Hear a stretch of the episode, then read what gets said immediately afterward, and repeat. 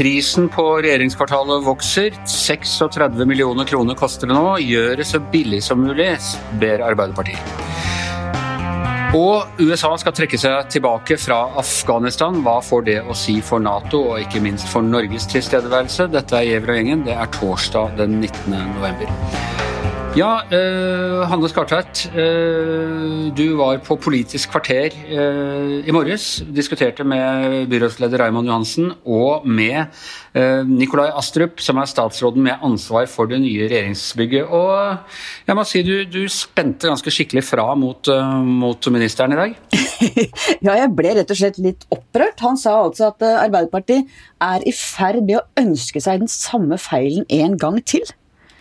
Og det kjente jeg at det var en uttalelse som, eh, som jeg syns ikke man kunne bare la passere. Og den samme feilen er altså å ikke ha Stille seg åpen for terror. Ikke ha gjort nok for å, å trygge regjeringen mot, mot uh, terroraksjoner. Men la oss bare ta dette litt uh, kronologisk. Altså, uh, det er ingen tvil om at uh, regjeringen hadde sviktet uh, den 22.07.2011, da Anders Behring Breivik kunne kjøre helt inntil regjeringsbygget og parkere en bombebil der uh, og forsvinne. Dette skjedde da på mens Jens Stoltenberg under hans andre regjering. Og du, som eneste politisk redaktør tror jeg i landet, mente han burde gå Eh, som følge av dette da, da Gjørv-konklusjonene for, forelå. Ja, det er riktig. Eh, så det er ikke noe tvil om at du mener at eh, sikkerheten den gang var for dårlig, og at sikkerheten bør tas på det aller høyeste alvor også denne gangen? Åpenbart. Staten hadde jo da sviktet sine innbyggere ved ikke å ha politi som fungerte, ikke, ikke, beredskap, ikke kommunikasjonssystemer. altså Alt sviktet. Systemene sviktet. og Det var jo det Gjørv-kommisjonen bare oppsummerte veldig brutalt og veldig godt den gangen. At her var det mye som var gærent. og Derfor gikk VG ut på lederplass og sa at eh, vi mente at noen den aller øverste burde ta ansvar den gangen, Jens Stoltenberg, og trekke seg. Men kan du forstå at når man da er i regjeringsposisjon og har ansvar for sikkerheten, eh, så kan man se det litt som eh, Astrup at ja, nå kommer pressen elleve år etter, det har ikke vært noe mer terror. Eh, det er populært å rase mot store kostnader på, på offentlige bygg. De opplever at Arbeiderpartiet kaster seg litt på, på den. Kan du, kan du, skjønne det perspektivet? Nei, både ja og nei. Altså for det første, Beredskap handler jo mye mer enn bare å sikre eh, regjeringskvartalet. Det er viktig nok å sikre regjeringskvartalet. Klart det var veldig alvorlig at Behring Breivik bare kunne kjøre den bilen opp rett ved siden av resepsjonen og sprenge den. Det ville aldri skjedd i dag, og det skal man passe på at ikke skjer i dag. Men det er et langt stykke derfra til å bygge en svær borg midt i Oslo sentrum. En kvaliteten i det norske samfunnet er jo nettopp også nærheten mellom politikerne og folket. Sånn at det å, Man kan mure seg helt inne. Det er det politikere og ledere i samfunnet vi ikke ønsker å sammenligne oss med, som gjør. Eller man kan si at det er en kvalitet for det norske samfunnet at du har en viss tilgjengelighet og en viss Altså at du ikke bygger murer fullstendig. Og aldri sikker kan du aldri være. Og det å ha en diskusjon om hvor den balansen skal trekkes, det mener jeg at uavhengig av hvor man ellers skal være, så mener jeg at kommunalminister Nicolai Astrup bør være åpen for den diskusjonen. Men eh, er det, er det er det ikke sånn at man må regne med en ganske høy prislapp når man nå en gang på demokratisk vis har vedtatt samlokalisering av alle disse departementene? Det skal skje midt i Oslo eh, by, eh, med de kostnadene det har for å forandre alt og ja, infrastruktur og, og, helt ned i liksom, kloakkanlegget. Eh, bygge eh, et nytt bygg, sørge for, eh, sørge for logistikk og sånne ting. at det er umulig, eller det er bare ønsketenkning å tro at du kan få en billig løsning på sånne ting. Ja, og Det er ett spørsmål som bl.a. Raymond Johansen og flere andre har reist, er jo skal du virkelig samlokalisere alt? Er det riktig sikkerhetsmessig og av andre grunner? Du har byer som Roma, London, som på ingen måte er noe unntatt fra terrortrusselen, som har det rundt, spredt rundt omkring i byen. Og så må vi huske på at denne sikkerhetsloven springer jo ut av Gjørv-kommisjonen og det klimaet som var den gangen. Eh, og det er helt forståelig. Men man må jo kunne ta en fot i bakken eh, og se at det er eh, at terrorbildet er Du skal absolutt ta det på, på, alvor, men at du må kunne diskutere hvor skal man sette inn støtet, og hvor sterkt skal det være. Du kunne si, se for deg at statsrådene skal være i svarte biler absolutt hele tiden, at de aldri skal kunne gå på gata. Da hadde de vært helt trygge, men det hadde ikke vært noe bra for det norske samfunnet. Fortsatt ser vi statsråder gå ned Akersgata fra regjeringskvartalet til Stortinget eh, i åpenhet. Det er en avveining der mellom åpenhet og, eh, og sikkerhet som vi må kunne snakke om. Men er det ikke seint i løpet? Eh, er ikke dette litt som disse vindmøllene i enkelte kommuner som har fått penger for vindmølleutbygging og sånne ting, og så vil de ikke ha dem likevel når de kommer for de er så stygge? jo, men, men, det er jo i hvert fall for seint når man først har begynt selve byggingen. Og, og som en jeg snakka med i dag sa at det er klart hvis du plutselig hadde fått en mye mye, mye verre terrortrussel, og hatt mye mer sikkerhet, så ville du også endret planene underveis.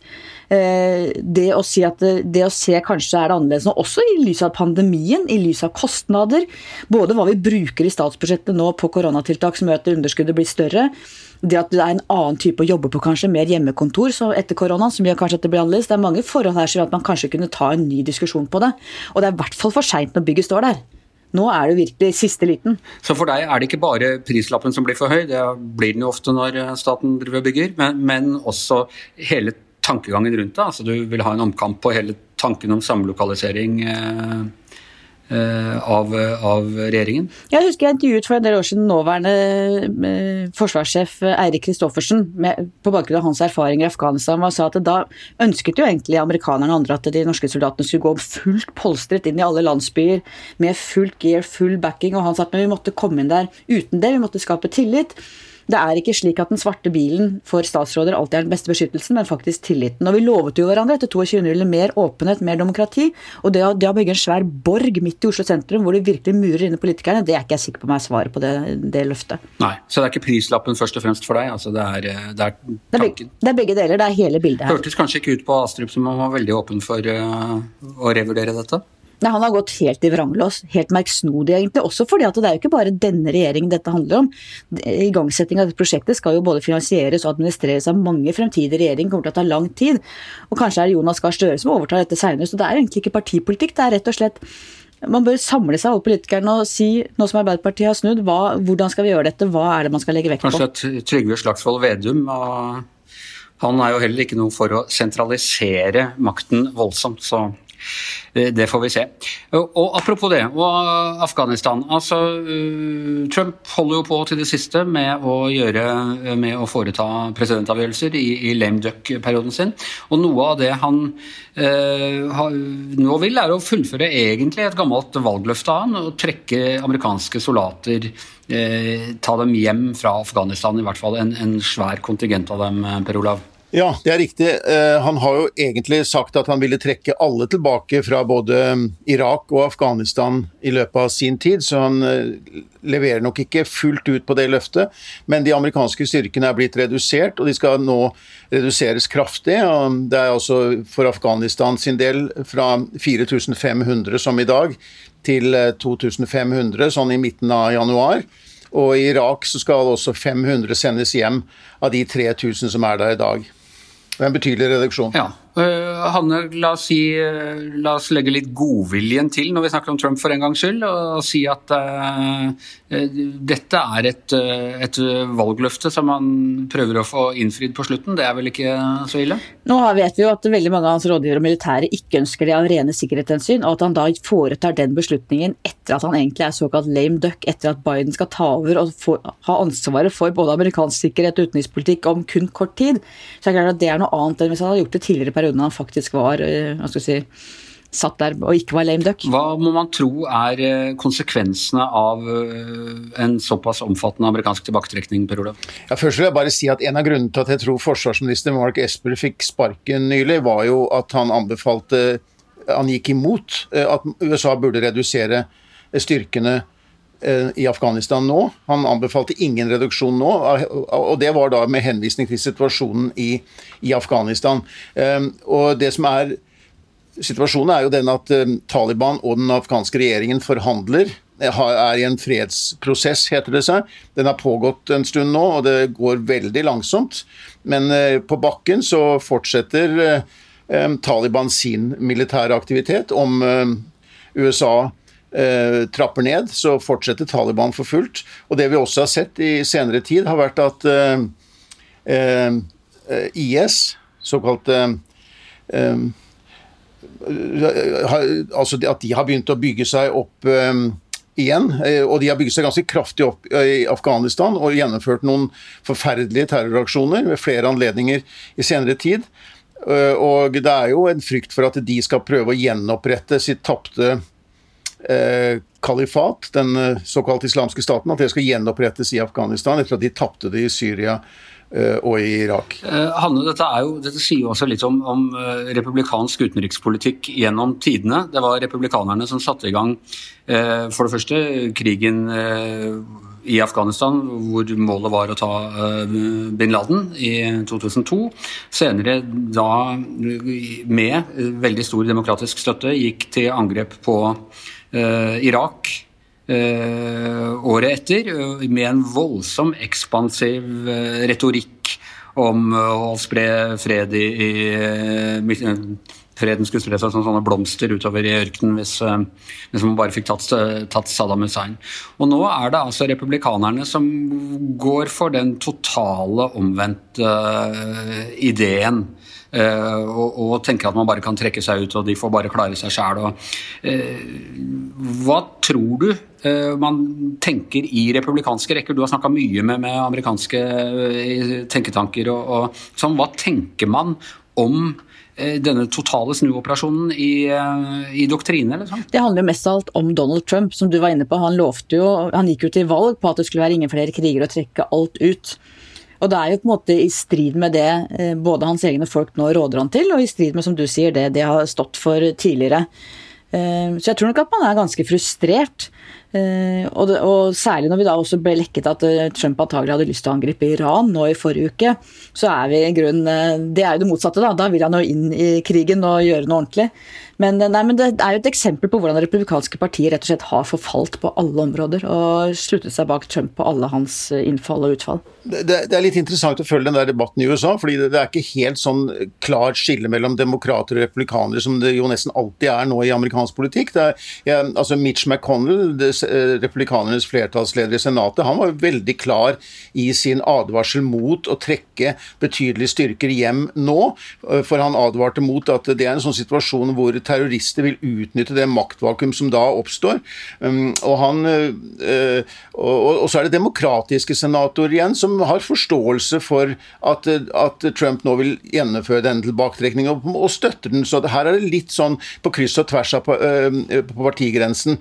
Eh, det som jo er situasjonen i hele regionen, og det gjelder både Irak og, og, i, eh, og, Syria for så vidt, men også i høy grad i Afghanistan, er jo at du ser både Al Qaida og IS som forsøker å omgruppere, komme tilbake. De utgjør en økende trussel. Det er en ganske vanlig um, uh, konklusjon et, for, uh, fra etterretningstjenestene.